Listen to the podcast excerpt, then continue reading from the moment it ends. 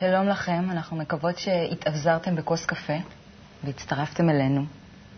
אנחנו מתחילות. שלום חגית. היי מאיה. השבוע קראתי ראיון עם המגה אדריכל פרנק גרי. הוא חוגג עכשיו 80, אה, וגם בו היכה המשבר הכלכלי, וזה מה שמדהים, שהוא עכשיו מתכנן גם באבו דאבי דברים, אבל הוא אומר שצו השעה זה חסכנות. הוא אומר, מדוע להוציא כל כך הרבה כסף על פרטים מהודרים? לא צריך אותם. אתה יכול להביע את התשוקה באמצעות דברים פשוטים יותר. ומה שזה גרם לי לחשוב זה שאם פרנק גרי מתחיל בגישה כזו, הוא משפיע על המון אחרים. העולם שלנו נכנס עכשיו לפאזה חדשה גם במראה החיצוני שלו. ונורא מעניין אותי איך ייראה העולם. זאת אומרת, אנחנו עושים איזה קו, נקודה בהיסטוריה, שפתאום הכל גם משתנה במראה החיצוני שלו. לא בטוח שזה יהיה יותר מכוער, אבל זה יכול גם להיות... Uh... זה נורא מעניין. אז מה הולך להיות לנו היום? אז היום uh, יעל שלו תדבר איתנו על כעס. איך אנחנו ניגשים לדבר הזה שנקרא כעס. אה, עידית תדבר איתנו על ימי הולדת. האם מה שיש היום זה באמת מה שאנחנו רוצים?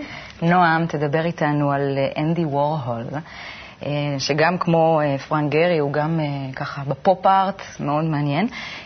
ותהיה פה משהו שתדבר איתנו על מה זה אהבה ללא תנאי. והמאפר ובעל חברת האיפור ו- ומה לא, גיורא שביט, יהיה פה איתנו, וייתן לנו גם איזה טיפ קטן בקשר לאיפור. נתחיל. יעל, על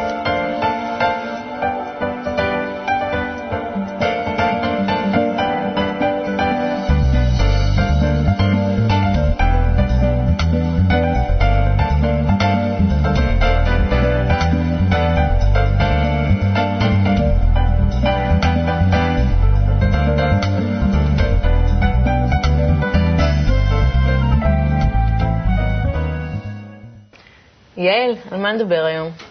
היום רציתי שנדבר על אה, כעס, אותה תחושה, אותו מצב שאנחנו נמצאים בו, שמעורר בנו כל מיני התנהגויות, ודווקא הייתי רוצה למקד אותם לכעס אה, מול הילדים שלנו.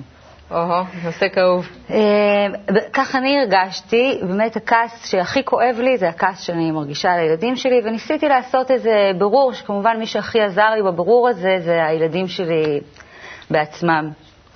אז שמתי לב, קודם כל, הדבר הראשון שמבדיל כעס אה, על ילדים מכעס על הבעל שלנו, על הפקידה בדואר, שהכעס על הילדים שלנו הוא כעס מתפרץ. אנחנו יכולים לכעוס על הבעל שלנו בתוך הראש, ללכת עם זה, להתניע את זה, גם אז הוא יזין את עצמו. גם אם הוא לא מתפרץ, הוא מזין את עצמו. נכון. כעס על, כעס על הילדים, יש לו נטייה, אם אנחנו לא מוציאים אותו, שימו לב, הלוואי והיינו יכולים לעשות את זה, לנסות להניע אותו בפנים, מתמוסס. נכון. אי אפשר להחזיק כעס על הילדים הם בפנים. הם גם חסרי אונים מולנו. אבל החוסר אונים הזה, את עכשיו עוד יותר מכאיבה לי, כי אני מוצאת את עצמי, את הכעס מול הילדים שלי, פעמים לא מעטות, פשוט מתפרצת מולם וכועסת עליהם. או, עכשיו, זה לא משנה אם זה בצעקות ובזעם, או בהתנהגות כעוסה ומרוחקת. זה עדיין כעס, והוא חיצוני, והוא הוא לא מקובל. זאת אומרת, זה לא משהו שהייתי רוצה לחיות בשלום, למרות שכולם אומרים לנו, כעס, זו תחושה לגיטימית, הוא מתעורר, להוציא את הכעס, תוציא אותו, כן. זה טבעי. אה, לא התחברתי לזה. לא הצלחתי לחיות בשלום עם הכעס שלי. גם אני לא. לא חיה איתו בשלום, אבל כועסת? בטח. במיוחד בהתפרצויות. אתה יכול לאהוב אותם ופתאום הוא עושה לך משהו שאני לא יודעת מה, טראח, צרחה שאתה לא יודע מאיפה זה מגיע לך. עכשיו, הצרחה הזאת היא צרחה אחת ומפסיקה, או שהיא מיד מביאה את החברה שלה? זה תלוי, זה משתנה. אני, אני חושבת שעם ילדים, הכעס, יש איזו סצנה של כעס, ואולי אז אנחנו, לא יודעת, חוזרים לעצמנו, לא יודעת. אז אם את מצליחה לחזור לעצמך מהר, זה טוב מאוד, כי אני מצאתי שהכעס שלי מתניע אותי. ואז שני דברים שהילדים שלי מאוד מאוד עזרו לי איתם, ואיתם אני רוצה, אותם אני רוצה לתת לך אותנו. ולתת... אה, אחד זה שאודליה שאלה אותי, היא אמרה לי, אבל למה את ממשיכה לצעוק? הבנתי, ואני המשכתי לצעוק, אבל למה את ממשיכה לצעוק? ואז הבנתי שהכעס בעצמו... מזין את עצמו. מזין את עצמו, וגם מהנה אותי. זאת אומרת, יש בו איזו הנאה שאני, ברור שהוא כבר לא קשור אליה והוא לא מלמד אותה כלום, זה בשבילי. והדבר השני, שאלבי בתוך כעס שלי, שדווקא לא היה מתפרץ, אלא מאוד מרוחק, הלך אחריי ואמר, אמא, אני אוהב אותך. עכשיו, איך אתה יכול לאהוב אותי? ברור שהשאלה היא, את אוהבת אותי? ואז נזכרתי בקלישאה, ופה אנחנו מגיעים לטיפ של היום, שהוא יכול אולי להיות קצת מזעזע. אני עמדתי להגיד לו, בטח שאני אוהבת אותך, גם כשאני כועסת. ואז הרגשתי שבעצם כשאנחנו בכעס, אין שם באמת אהבה. אני לא מדברת על האהבה הטבעית שיש לכל אימא בכל מצב. אין שם כלום. יש שם רק כעס, אנחנו עיוורים מהכעס, אנחנו לא רואים את מה שאנחנו רוצים לתת, אנחנו לא נותנים שום דבר. זה מצב שהוא לא יכול להביא לשיפור של שום דבר. זאת אומרת, מתוך הכעס, אם כן זה כעס עצמי וגם אז משהו אחר שצריך לעבוד עליו, אין בו תועלת. אתה גם רואה שזה לא עוזר, כשאתה כועס עליהם, אתה בעצם לא מחנך אותם לכלום. אין אתה... חינוך. אין, אה, אני לא מחנכת, יש פחד, יש אילמות, יש השתקה, יש אה, מה שיכול להתפרש כהשפלה. אין בו תועלת, גם אם הוא מתפרץ, גם אם הוא שקט. אז מה את אומרת, שבעצם אם אנחנו רואים את עצמנו כועסים, אז לעשות איזשהו... אם את תצליחי, מה שאני הצלחתי לעשות, זה להניף דגל פנימי של הכעס, שאני אומרת, אם כועסים, לא אוהבים. אם כועסים, לא אוהבים.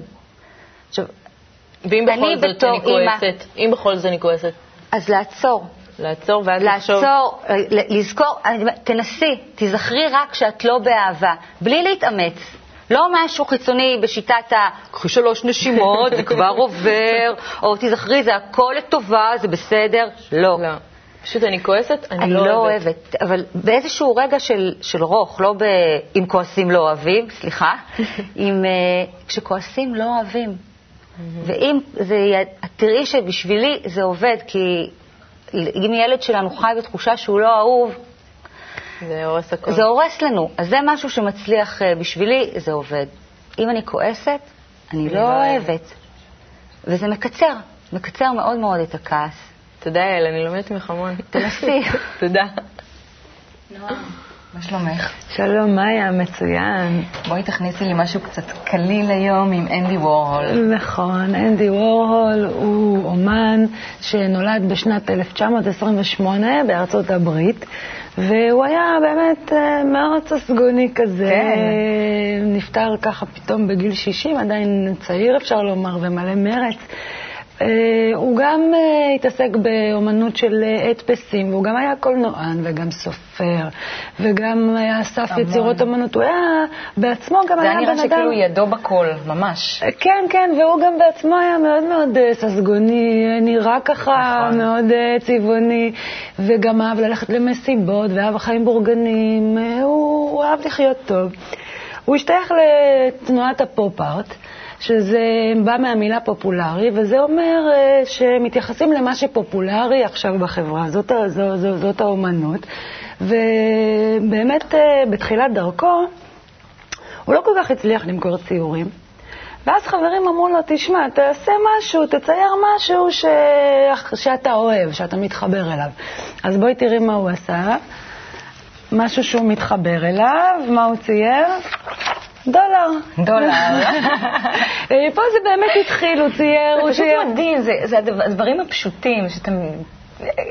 לרצון הפנימי שלך, כן. למה שאתה מתחבר אליו. קשה, אז זהו, זה, זה, זה הדולר שהוא צייר, ובאמת הוא צייר דבר, מה שהוא אוהב, אז הוא צייר מרק אה, שאהוב עליו, ופנים של, אה, עשה הדפסים של אנשים אה, מפורסמים, וזה ממש התאים.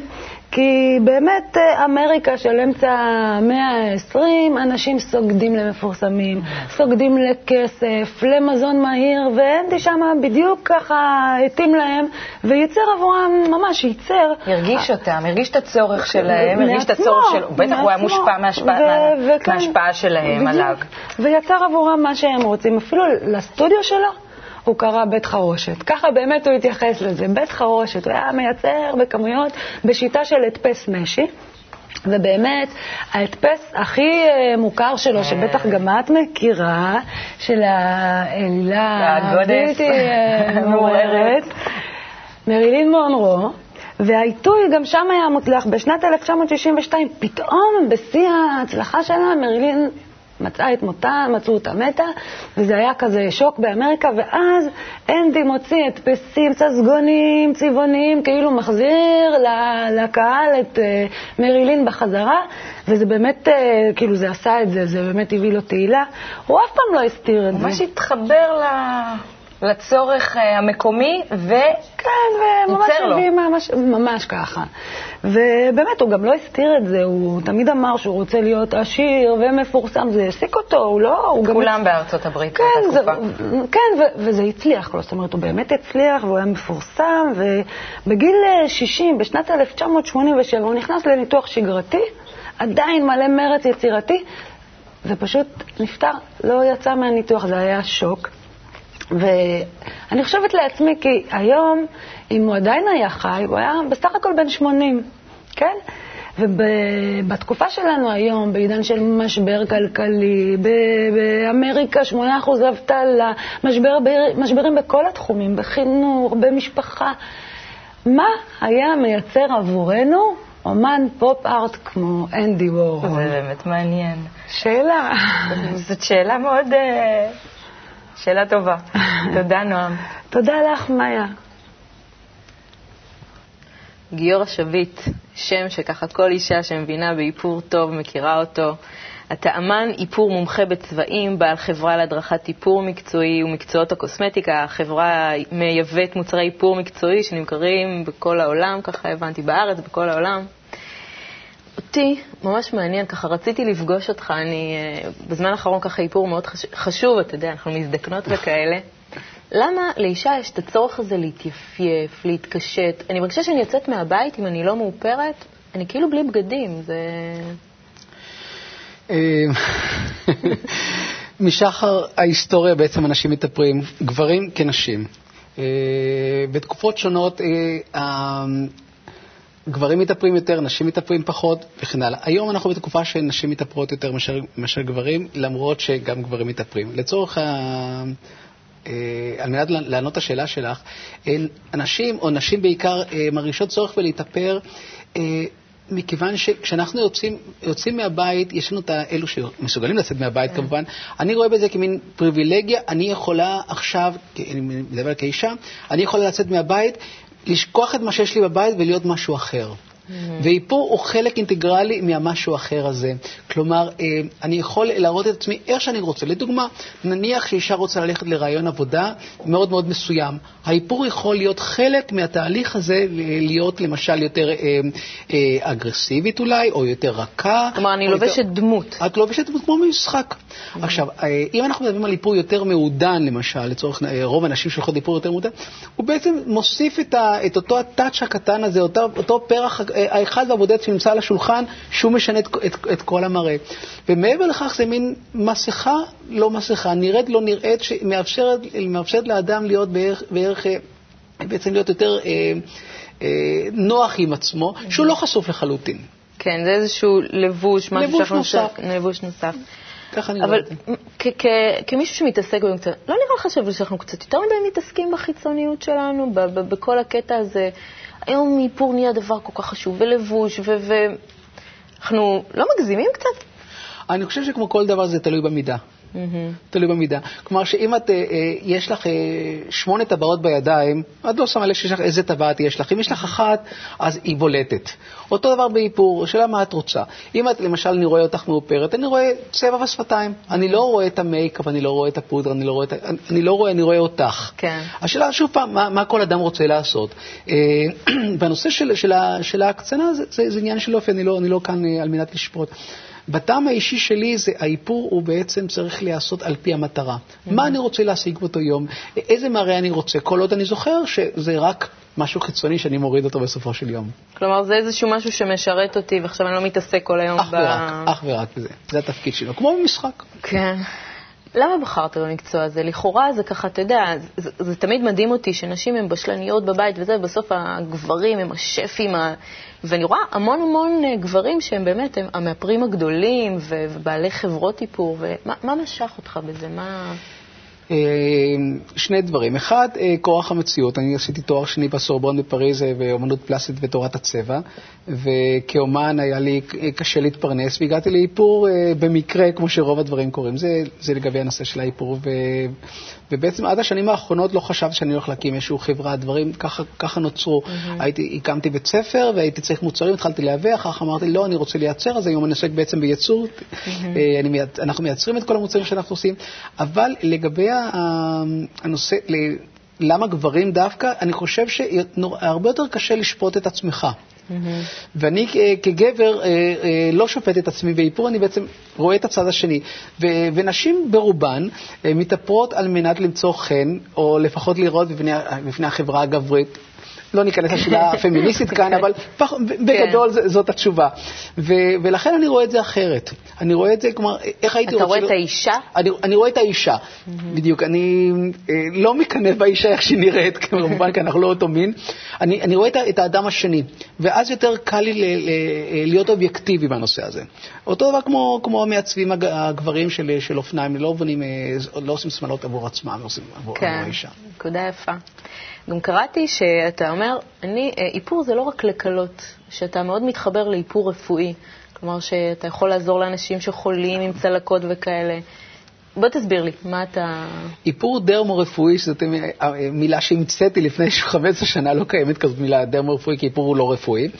אה, בעצם אני אישית לא כל כך אוהב איפור, אני מודה, לא כל כך אוהב איפור, אבל איפור בשבילי, כמו שאמרתי קודם, הוא מטרה. הוא מטרה, אם זה למשחק, אבל ביום-יום. כלומר, כשאני מופיע, אני אתן לך דוגמה בצורה כזו, כשאני מופיע כעד אה, מקצועי בבתי משפט על אה, אדם שעבר אה, תאונה, והוא זקוק לאיפור, אז הצד השני, בדרך כלל זאת עורכת דין, אומרת לי, כן, אבל גם אני מתאפרת ואני לא חייבת להתאפר. נכון, זאת בדיוק התשובה, את לא חייבת להתאפר. כשאדם יש לו איזושהי בעיה שזה לא נושא של יופי, למרות שגם זאת יכולה לפעמים בעיה בנושא של תדמית, אה, אה, איך אדם רואה את עצמו, אבל אה, כשאדם יש לו בעיה כמו ויטיליגו, הכתמים הלבנים, החוסר פיגמנט, או צלקת, או כווייה, או כל דבר אחר, זה מפריע לו מאוד מאוד, לא רק בחיצוניות שלו, אלא דווקא בחלק הפנימי שלו, הוא לא יוצא מהבית לפעמים. ולכן אני, אני באתי לכאן והכנסתי את הידע שיש לי בנושא של תורת הצבע והבנה בצבעים ותאורה. אז יצרתי אה, מוצרים מאוד מאוד מיוחדים ש, שאני מצליח כאילו ל, לתת פתרון לאותם אנשים שזקוקים לכיסוי, לא כי הם מתביישים אה, או שהם רוצים לראות משהו אחר, אלא הם פשוט... כדי שהם יוכלו לתפקד. אז אתה מרגיש שאתה עוזר לאנשים? חד אתה... וחלק.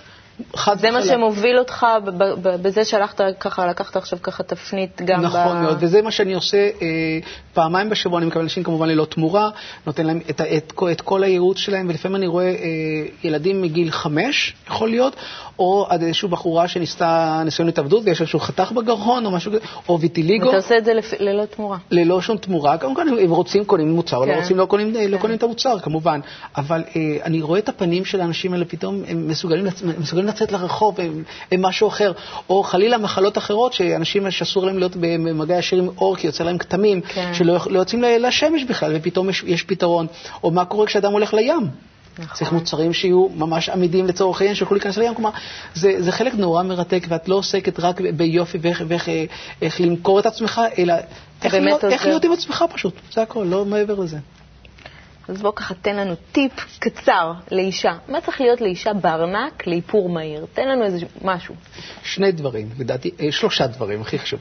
מייקאפ שטוב זה מהבית, מייקאפ טוב זה 70% מהאיפור. כי זה לא כיסוי, אלא זה, זה מה שיוצר את המשטח החלק. נקודה. Mm-hmm. אין אדם שיש לו אור מושלם, אין כזה דבר. כלומר, זה הדבר הראשון. דבר שני, מסקרה, זה פותח את העיניים, זה לא צבע, זה פותח את העיניים, העיניים נראות מבריקות, וספטון. אנחנו, כשאני מדבר עם מישהו, אני מסתכל על העיניים ועל השפתיים. אני לא רואה אף, לא רואה אוזניים, לא רואה שום דבר, זה כל מה שאני רואה. והשפתיים, והצבע של השפתיים צריך להיבחר על פי הצבע שאתה מרגיש בו הכי נוח. לא מה שיש באופנה, אלא מה שאתה אוהב הכי הרבה. קיבלנו טיפ. גיורא, תודה רבה, למדתי הרבה. אני קופצת לעידית. עידית תדבר איתנו על ימי הולדת. מה נשמע חגית? כן, למדנו משהו. כן, כן, אני צריכה ללכת לחפש מייקאפ קצת יותר מוצלח. אולי הוא ייתן לי טיפ.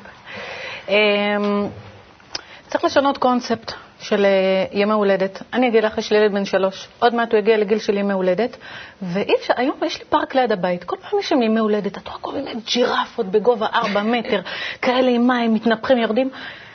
חברות הפקה שלמות קמו מה אתה יש לצורך גם כאלה זה. שעושים ימי הולדת בתוך כל מיני מועדונים וזה. את יוצאת ימי הולדת בין 500 ל-2,000 ש"ח, הוצאה, כדי שהילד, למה? כדי שהילד יהיה מקובל. כדי שיאהבו אותו. למה אנחנו עושים את זה? כי אנחנו רוצים שיאהבו אותו. הוא רוצה להיות כמו כולם, הוא רוצה לשמח את החברים שלו ולהיות אהוב. וזה עולה לנו כסף. גם כאב ראש, לא קטן. אז יש לה כאב ראש. אני מדברת עכשיו על בקטע גם. של הכסף, אז יש כאב ראש. יש הורים שסבבה להם להשקיע בילד, יש הורים שסבבה להם אבל אין להם כסף, כן? נכון. ועכשיו עם המשבר בכלל הולך להיות יותר גרוע. וחשבתי, צריך אולי לייצר משהו חדש. איזה קונספט חדש לימי הולדת. אולי אפילו לחזור קצת אחורה. את זוכרת איך ימי הולדת שלנו? בטח, עם החצי. פיתה עם החומוס והמלפפון חמוץ, ככה קצת אה, במבה, קצת זה על השולחן, הילדים היו באים, היה תקליטן ככה מצד לצד ב-100 שקל, וכולם היו מבסוטים. נכון. אז אה, אני מניחה שגם את סובלת אה, באיזשהו אופן כזה או אחר. אני, יש לי שלושה ילדים, חודש אחרי חודש, ימי הולדת, וככל שהם גדלים יותר, ההפקה צריכה להיות ראוותנית יותר, וצריך כבר לתת אה, מתנות, אה, זה כבר נהיה... אבל זה לא הילדים, זה אנחנו כהורים אה, יוצרים את המצבים האלה. וברגע שאתה עושה משהו, אז מישהו רוצה להשוות אליו, אנחנו עולים ועולים ועולים, ויכולים להיכנס למצב שאי אפשר לצאת ממנו. אז אפשר גם כהורים, כמו שיצרנו את המצב הזה, לשנות אותו, לקחת אותו טון אחד אחורה. לאו דווקא לנו, לחצי פיתה עם החומוס והמלפפון חמוץ, אבל להוריד טון. אה, וברגע שזה יהיה מוסכמה, שיוסכם על ההורים, יוסכם על כולנו, זה כבר יהיה, הילדים אומרים שגירויים לא מספיקים להם, לא נכון. קבענו להם שזה טוב, אנחנו יכולים לקבוע להם שזה טוב, ולהתחיל לשנות את כל העסק הזה של הימי הולדת למשהו לשנות להם את נוח גם התפיסה. לכיס, נו. כן. אי אפשר ככה, לשנות לילד תפיסה. ואולי אפילו, את יודעת, ללכת על זה ככה עד הסוף, שהילדים באים ליום הולדת, עכשיו, הוא לא מקבל מתנות, הוא, נות, הוא מלך ליום אחד, מלך שמחלק לנתינים שלו מתנות. הולכים, קונים בשקל צעצוע בכפר השעשועים או באיזה מקום אחר, סליחה אם עשיתי פרסומת. אה, קונים צעצוע בשקל, אתה היום המלך. מלך יום הולדת. הוא מחלק ונותן מתנות. וללמד אותם קצת, נו, גם תענוג מנתינה על הדרך, משהו. אחלה גימיק. כן. תודה. תודה, חגיתוש. מה מאיה. שלומך? בסדר גמור. מה זה אהבה ללא תנאי? עכשיו את כבר אמרת, הרסת לי את הפינה, אמרת מה אני רוצה להגיד בסוף. בואי נתחיל מההתחלה. כן. לכל אחד יש, לכל אחד יש חולשה ומקום כזה, לאן שהוא יכול לברוח. אצלי זה ספרים. אני חולה על ספרים. אני קוראת המון. אני יכולה לבשל ולעמוד ככה עם ספר אה, בלילה אחרי שכולם הולכים לישון. דבר ראשון שאני עושה, פותחת ספר, אפילו אם זה ספר שכבר קראתי אותו אלפי פעמים. יש ספר, יש ספרים שאני תמיד חוזרת עליהם. אה, ואחד הספרים האלה זה חלף עם הרוח. אימא'לה, אני מקבלת דמעות אפילו שאני עכשיו חושבת על זה, אני בת 27, אימא לשני ילדים. יש, אה, למה זה ספר כל כך מדהים? כי הוא מדבר לא על אה, אישה כזאת אה, נחמדה וחמודה שהיא כזאת אוהבת את בעלה, לא, זה מדבר על אישה חזקה, שיותר חזקה מכולם, שלא צריכה אף אחד ובמיוחד אף גבר. ויש שם סצנה אחת חזקה מאוד, שיש אותה גם בספר וגם בסרט, שזאת סצנה שנשארה לי בראש לכל החיים, לכל החיפושים של, ביחסים ולכל. הסצנה שבה היא צועקת על רד באטלר ומשתוללת ומרביצה לו ככה על החזה, וצועקת עליו דברים הכי נוראים, והוא מחזיק אותה ככה חזק חזק בכתפיים, ומסתכל עליה עם אותו מבט של חיוך. ולמה זה כל כך חזק? כי יש בזה כזה רגש פנימי, אהבה כזאת, שהיא ללא תנאי. שלא משנה מה שאת, לא, מה שאת מספרת לי עכשיו, ואיך את צועקת עליי, ואיך את מתנהגת אליי גרוע ביותר, אני פשוט אוהב אותך בשביל מה שאת בפנים. אה, זה נורא מרגש. ואת יודעת, אני תמיד חיפשתי את זה, ובסוף, בסופו של דבר שוכחים ומתחתנים ומביאים ילדים. אבל כשבאו ילדים, אני נזכרתי בזה מאוד חזק. הילד הגדול שלי עכשיו במשבר של אה, שנתיים-שלוש, ויש ימים שלמים, תקופות של כמה ימים, שילד, את מכירה את זה בטוח, ילד פתאום משתנה לך. הוא מתחיל לצעוק עלייך, אה, אני שונא אותך, אני רוצה שתצאי, אני רוצה להישאר לבד. אני, אני רוצה להיות רק עם אבא. את מתחילה להלביש אותה צרחות, את. מתחילה לקלח צרחות, את מביאה אוכל צרחות, וכל הזמן בעיטות. ואת, בהתחלה את מתעצבנת, אחר כך את מתרחקת, ושוב מתעצבנת, ושוב מתרחקת, עד שאת מוצאת מנקודה שבה את מסתכלת מעל כל זה על הילד בחיוך, ואת פשוט אוהבת אותו בשביל משהו בפנים, כי הוא הילד שלך. ו...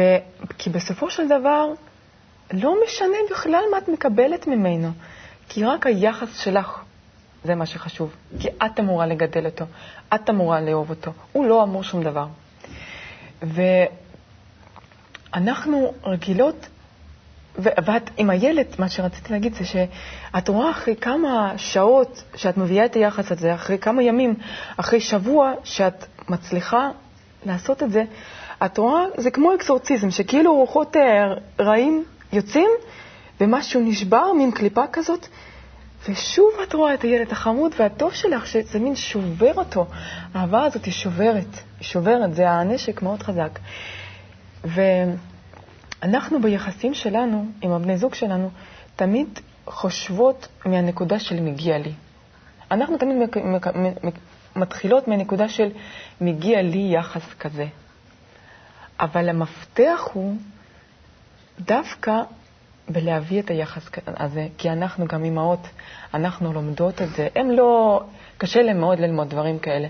אנחנו לומדות את זה מבפנים, עם הילדים ששוברים אותנו, עם כל החיים האלה, אנחנו לומדות את האהבה הזאת, ולפעמים צריך גם לעצור באמצע הריב, וככה להתרומם מכל מה שהוא אומר, להתרומם מאיך שהוא מתייחס, להתרומם מהמבטים הגרועים האלה ומכל מה שהוא עושה ולאיך שהוא זרק את הגרביים ולאיך שהוא התייחס, ולהגיד, אני, לחייך ולהגיד, אני אוהבת אותך על איך שאני מכירה אותך מבפנים, ואפילו איך שאני לא מכירה אותך מבפנים, אני פשוט אוהבת אותך.